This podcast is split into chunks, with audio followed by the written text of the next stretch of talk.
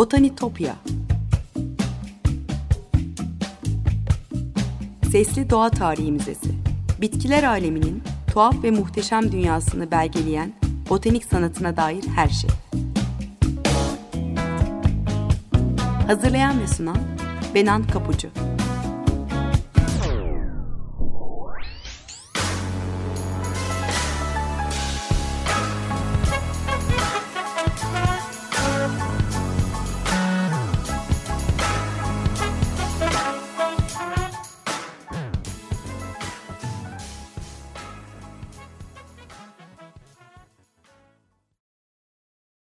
Merhaba sevgili Açık Radyo dinleyicileri.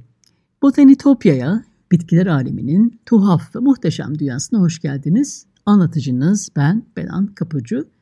botanitopya.gmail.com elektronik posta adresinden ya da aynı adlı Twitter ve Instagram hesaplarından bana her zaman ulaşabilir. Yorumlarınızı ve anlattığım konuya dair katkınızı paylaşabilirsiniz. Bazen hikayelerimi görsellerle, küçük özetlerle destekliyorum sosyal medya hesaplarından. O yüzden takipte olursanız çok çok mutlu olurum. Geçmiş kayıtlara Spotify'dan Açık Radyo Podcast üzerinde ulaşma şansınız olduğunu da buradan tekrar hatırlatmak isterim. Sevgili dinleyiciler bugün size geceleri çiçek açan, kendisi pek göz alıcı olmasa da o görkemli çiçekleriyle insanı büyüleyen iki kaktüsten bahsedeceğim. Biri Antiller'den, Orta Amerika'dan geliyor. Carolus Linnaeus'un Cactus grandiflorus adını verdiği gecenin kraliçesi Selinacerius grandiflorus. Diğeri ise Amazon ormanlarının derinliklerinden gelen ayçiçeği kaktüsü Serenisserius vitti. Çiçek açmaları heyecanla beklenen, o muhteşem gösteri için ona özel gece partileri düzenlenen ya da uğruna Amazon'un derinliklerine zorlu yolculuklara katlanılan kaktüsler bunlar. Serenisserius grandiflorus'a gece çiçek açan serius, büyük çiçekli kaktüs, tatlı kokulu kaktüs veya vanilya kaktüs de deniyor. Doğal serios türleri nadirdir aslında ama e, orkide kaktüsü, atlas çiçeği dediğimiz Epiphyllum cinsiyle de karıştırılıyor sıkça. Grandiflorus Latince'de büyük çiçek anlamına geliyor. Linnaeus 1753 yılında bu kaktüsle tanıştığında o güne dek bilinen en büyük çiçekli kaktüs türü olduğu için öyle demiş ama çiçekleri diğer bazı serios türleriyle karşılaştırıldığında orta büyüklükte sayılıyor bugün. Özel koşullarda yetiştirilebilen, hızlı büyüyen epifit veya litofitik bir bitki e, çiçek açmaya başlaması 2 ila 3 yıl bulabiliyor ama sonunda açtığında da gerçekten seyirlik oluyorlar. E, Küba, e, Porto Rico, Jamaika, Dominik Cumhuriyeti ve Haiti'yi kapsayan büyük antiller, e, Meksika, Guatemala, Belize, Honduras, Nikaragua, Güney ve Orta Amerika'daki birkaç yerde 700 metre yükseklikte ağaçlara ve kayalara tırmalarak, tutunarak doğal olarak yetişiyor. Yani bu bölgelerin yerel bitkisi. E, Jamaika'da biraz farklılaşıyor. Aynı cins bitkilerde hafif dalgalı, yumrulu kenarları olan gövdeler oluşuyor. E, cins veya türden bağımsız olarak gece açan Serius kaktüsün çiçekleri genellikle beyaz açıyor. Büyük ve güzel kokulu olan çiçekleri akşam karanlığından sonra açılıyor ve şafak vaktinde de solu veriyor. Aynı coğrafi bölgedeki bitkiler aynı gece çiçek açma eğiliminde. E, hatırlarsınız bir programımda 1800'lerin başında basılmış Robert Tart'ın Temple of Flora kitabını anlatmıştım. E, duygusallığın, doğa sevgisinin, yurtseverliğin ve iş dünyanın yüceltildiği romantik üslubu yansıtan, yapımı yıllarca sürmüş, gösterişli bir kitaptı bu. Ve birçok tırnak içinde tapınılısı çiçek bazen Erasmus Darwin'in e, Botanik Bahçesi kitabından şiirler eşliğinde boy gösteriyordu sayfalarda.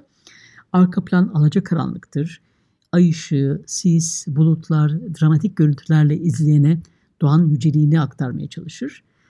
Night Blowing Sirius başlıklı resim en etkileyici çiçek portrelerinden biridir bu kitabın. Çizimi paylaşacağım sizinle. E, çiçek çizimi Philip Reinegel'a, e, dramatik arka plan ise manzara ressamı Abraham Peter'a ait. E, o levhada sanatçı kaktüsü betimlerken arka planda akrep ve yelkovanı gece yarısını gösteren bir saati de yer vermiştir. Ay dalların arkasından görünür tehditkar bir yaratıkta türemiştir hemen saat kulesinin yanında. Tabii aşırılıklar var bu sahnede. Çiçeğin gece açtığı doğru olsa da İngiltere'de bir kilisenin bahçesine gelişmesi pek mümkün değildi elbette. Ama biliyorsunuz bilimsel belge olarak değil, romantizm çağını anımsatan dramatik resimleriyle anıtsal bir kitap olarak kabul ediliyor daha çok. E, Thornton e, 1807 yılında onu şöyle anlatmış. New York Botanical Garden'ın Poetic Botany dijital sergisinin küratörü Ryan Feigenbaum'un gece açan Sirius kaktüsü ile ilgili bir derlemesinden alıntılıyorum. Şöyle diyor Thornton e, bu e, kaktüsle ilgili. Güneş battıktan sonra güzel çiçeklerini açmasından dolayı gece açan Sirius lakabını taşıyor. Diğerleri yapraksız, sulu ve aslında yanan meşale görünümüne sahip çiçekleriyle aynı derecede grotesk ve müthiş bir figür sergileyen beş köşeli, eklemli ve tırmanan sapın yapısından dolayı ona meşale devi dikeni adını verdiler. Sıralarımızda bazen bu çiçeklerin 20 ya da 30 tanesinin bir yandan da güzel, bazemik bir koku yayarak aynı akşam açıldığını gördüm. Evet gerçekten de kaktüsün çiçek açtıktan sonra havaya vanilyamsı baş döndürücü bir koku yaydığı söyleniyor. O özelliğiyle de 18. yüzyılda birçok bilim insanına yazarı büyülemiş.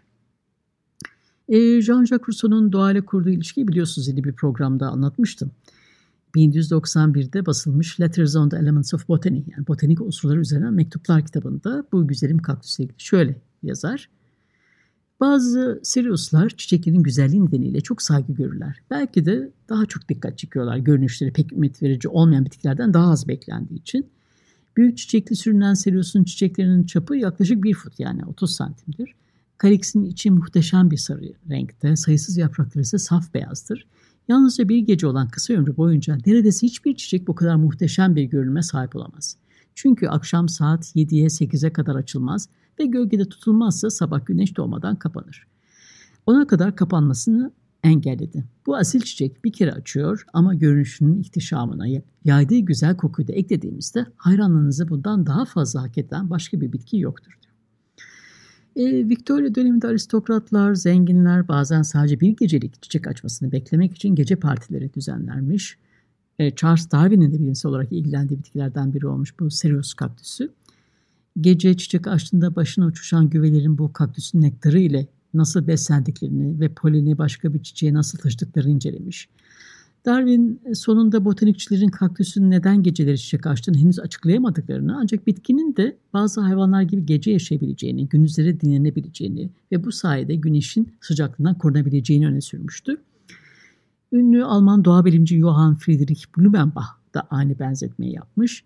Gece açan Sirius gibi bitkilerin de tıpkı bazı hayvanlar gibi enerjilerini geri kazanmak için gündüzleri uyuduklarını öne sürmüş. Blumenbach 1799 yılında basılan e, Handbuch der Naturgeschichte yani doğa tarihi el kitabında şöyle açıklamış bunu. Pek çok bitkide hem yaprakların hem de bazılarında çiçeklerin akşamları kıvrılarak ya da düşerek dinlenmeye yani sarkarak dinlenmeye benzer bir duruma geçerek uykuya dalmaları dikkat çekicidir. Bunun nedeni yalnızca örneğin serin akşam havası değildir. Çünkü bu durum açık havada olduğu gibi serada da meydana gelir. Hatta bazı bitkiler yazın öğle vakti uykuya daldığı için yalnızca karanlıktan da kaynaklanmaz. Aslında tıpkı günü uykuda geçiren Animalia nocturna gibi birkaç bitkinin çiçeklerinde de durum böyledir. Kaktüs grandiflorus'ta olduğu gibi. Ama bu tıpkı hayvanların uykusu gibi bir periyodik iyileşmenin gerekliliği gibi görünüyor demiş. E, Darwin ve Blumenbach'a e, Blumenbach ve diğer birçok 18. yüzyıl botanikçisi uzun tartışmalardan ve gözlemlerden sonra benzer bir hipoteze varmış. Evet birçok bitki geceleri uyuyor e, sonucuna varmış. E, son zamanlarda da ağaçların uyup uyumadığı üzerine çalışan Avrupalı araştırmacılar e, bu odak, olguya odaklanmış durumda. Geceleri lazer tarayıcılarla e, dalların ve yaprakların sarkmasını ölçmüşler ve sonucunda yaklaşık 5 metre yüksekliğindeki ağaçların dallarının geceleri yaklaşık 10 santimetre sarktığını ve sabah orijinal konumlarına geri döndüklerini tespit etmişler. Muhtemelen ışığın varlığı ve yokluğundan kaynaklanan Turgor, e, Turgor değişikleri yani bitki hücrelerinin e, içine su alarak şişmesi ve hücrenin çeperine basınç yapması olayını da içeren bu gündüz gece ritminden sorumlu mekanizmalar üzerine e, araştırmalar hala devam ediyor elbette. E, İngiliz botanikçi ve gravür ustası Henry Andrews 1800'lerin başında The Botanist Repository yani botanikçinin deposu kitabında bu bitkiyle ilgili e, yazıyor yine. Şöyle diyor. Bu zarif sera bitkisini birçok yazar tanımlamış. En çok gece açan Sirius lakabıyla biliniyor. Ancak gün ortası güneşin parlak ışınlarıyla ısınan floranın güzel kaflesinde olmasa da bu gece güzelliğini güneş batarken açan parlak çiçekleri ihtişamıyla onlarla yarışabilir. Ama ne yazık ki kaderlerine daha önce boyun eğip ertesi sabah erkenden kapanırlar. Bazen neredeyse öğle saatine kadar kapamadıkları olur ama bu çok nadiren gerçekleşen bir durum. Çünkü genellikle Cynthia'nın yani Tanrıça Artemis demek istiyor. E, genellikle Cynthia'nın gümüş ışınlarını sergileyen zarif çiçekleri aromatik kokusuyla gece yarısının durgun serin havasını güzelleştirir. Evet birçok bilim insanında hayranlık uyandırmış olan Selene Sirius grandiflorus gece açan Sirius bugün uygun koşullar sağlanırsa yetiştirilebiliyor. Büyük bir penceresi olan, 5 derecenin altına düşmeyen, geniş bir alan olan ısıtmalı kış bahçesinde iyi ışık alan bir yere yerleştirilmesi gerekiyor. E, vahşi doğada bu bitkiler bir süre konukçu ağaçların gölgesi altında büyüdüğü için sera koşullarında da gölge istiyorlar. E, aksi halde sıcağa, kavrulmaya karşı savunmasızlar. Yetiştirilmesi, çiçek açtırması biraz zahmetli ama uğruna şiirler yazılan, Darwin'i, diğer botanikçileri kendine hayran bırakan çiçekler için der. Öyle değil mi? Evet e, sevgili dinleyiciler bu noktada bir müzik arası verelim şimdi. Cats müzikalinden bir parça dinleyelim. Elaine Page söylüyor. Memory. Birkaç dakika sonra tekrar beraber olacağız diğer kaktüs türünün hikayesiyle birlikte. Merhabalar tekrar. 95.0 Açık Radyo'dasınız. Gece açan iki muhteşem kaktüsü anlatmak istedim bugün size. İlk bölümde Viktoryen gece partilerinin baş konuğu Karanlıkların Kraliçesi Selinus e, Grandiflorus'u anlattı. Şimdi Amazon'un eşsiz bir güzelliğinden bahsedeceğim size. Selinus serius viti, Amazon Moonflower, Amazon ayçiçeği olarak da biliniyor. İlk kez 1900 yılında tanımlanmış. E, Amazon havzasının Karasu nehirleri boyunca uzanan yağmur ormanlarında. E, Brezilya'daki Rio Negro ve Rio Hapura, Kolombiya'daki Rio Vaupes, Rio Apaporis boyunca doğal olarak yetişiyor. Dağılım alanı Caqueta'dan kuzeydoğu Peru'ya, Iquitos şehrine kadar uzanıyor ve muhtemelen Venezuela'daki Amazon havzasının güney bölgesinde kapsıyor. Serinus, Serius viti türünün yanı sıra burada Ripsalis baxifera ve Epiphyllum filantus kaktüs türleri de yetişiyor. Kaktüs deyince aklımıza hep çöl, susuz ve sıcak ortama dayanabilen kalın gövdeli, bol dikenli bir bitki geliyor. E, ayçiçeği, kaktüsü, yaşam ortamı sıra dışı olsa da bu ailenin bir parçası yine. Yaklaşık 127 cins ve 1750 bilinen türden oluşan kaktüs familyasına ait bir bitki. Her yıl birkaç hafta boyunca düzenli olarak sular altında kalan Amazon ormanının sulak alanlarında ağaçların gövdelerine kök salıp tırmanarak epifitik olarak yetişiyor. Ağacın gövdesi etrafında spiral benzeri bir şekilde büyürken gövdeyi saran kökleri düzleşerek büyük yapraklara benzemeye başlıyor. Zengin, dallanmış yaprak benzeri düzleştirilmiş gövdeleri filoklat deniyor ve taşıyıcılarının e, ağaç gövdelerine yakın büyüyor bu filoklatlar. Doğrudan güneş ışığına maruz kaldığında eliptik ya da mızrak biçiminde koyu yeşil sürgünleri donuk kırmızıya dönüyor. Sadece bir kere açan çiçeği 27 santim uzunluğa ve 12,5 santim çapa ulaşabiliyor. Saf beyaz renkte olan çiçekleri ultraviyole ışığı yoğun bir şekilde yansıtıyor. E, çiçeğin tabındaki nektarlar da tozlaştırıcılar için oldukça cezbedici. E, çiçeğin tabanında nektarı olan etli bir hazneden gelişen karmaşık bir yapıya sahip uzun bir sürgünü var. Çiçeğin tozlaştırıcısının nektara ulaşmak için o sürgün uzunluğunda bir dile, bir hortuma sahip olması gerekiyor. Bitkinin tozlaşması vahşi doğada hiçbir zaman gözlemlenememiş ama aynı yayılım alanının içinde yaşayan iki şahin güvesinin yani e, Cositus cruentus ve Amphiphomenea vakeri güvesinin onu tozlaştırabileceğine inanılıyor. 25 santimetreye kadar ulaşan hortumları dilleri var bu güvelerin çünkü. Tohumlar içinde yüzmelerine ve su tarafından dağılmalarına olanak tanıyan hava odacıkları bulunan tuhaf bir yapıya sahip. E, kaktüs familyasında benzersiz bir durum olan suya düşerek e, yayılıyorlar. Doğal ortamında Mayıs ayında sadece bir gecenin çiçek açıyor dediğim gibi bu kaktüste. Genellikle gün batımından sonra başlıyor ve iki saat içinde tamamen açıldıktan sonra gün doğumunda tekrar kapanıyor. E, tamamen açılana kadar çiçekler başlangıçta yoğun bir koku yayıyor ve zaman içinde bu e, pek hoş olmayan bir kokuya dönüşüyor. Meyveleri uzun, yeşilimsi ve dikenli yaklaşık 3,5 santim uzunluğunda doğal ortamlarına bir yıl içinde olgunlaşıp uzunlamasına bir açıklık boyunca yırtılarak e, parlak siyah kahverengi tohumlarını ortaya çıkarıyorlar. Selincelus Witt'i ilk kez 1899 yılında Manaus yakınlarındaki Rio Negro'nun Igapo ormanlarında Alman iş adamı ve bitki koleksiyoncusu Nikolaus Heinrich Witt tarafından bulunmuş. Bilimsel adını da ondan alıyor. E, botanikçiler ilk başta onu taksonomik olarak sınıflandırması için Berlin Dahlem'deki Karl Moritz Schumann'a göndermiş.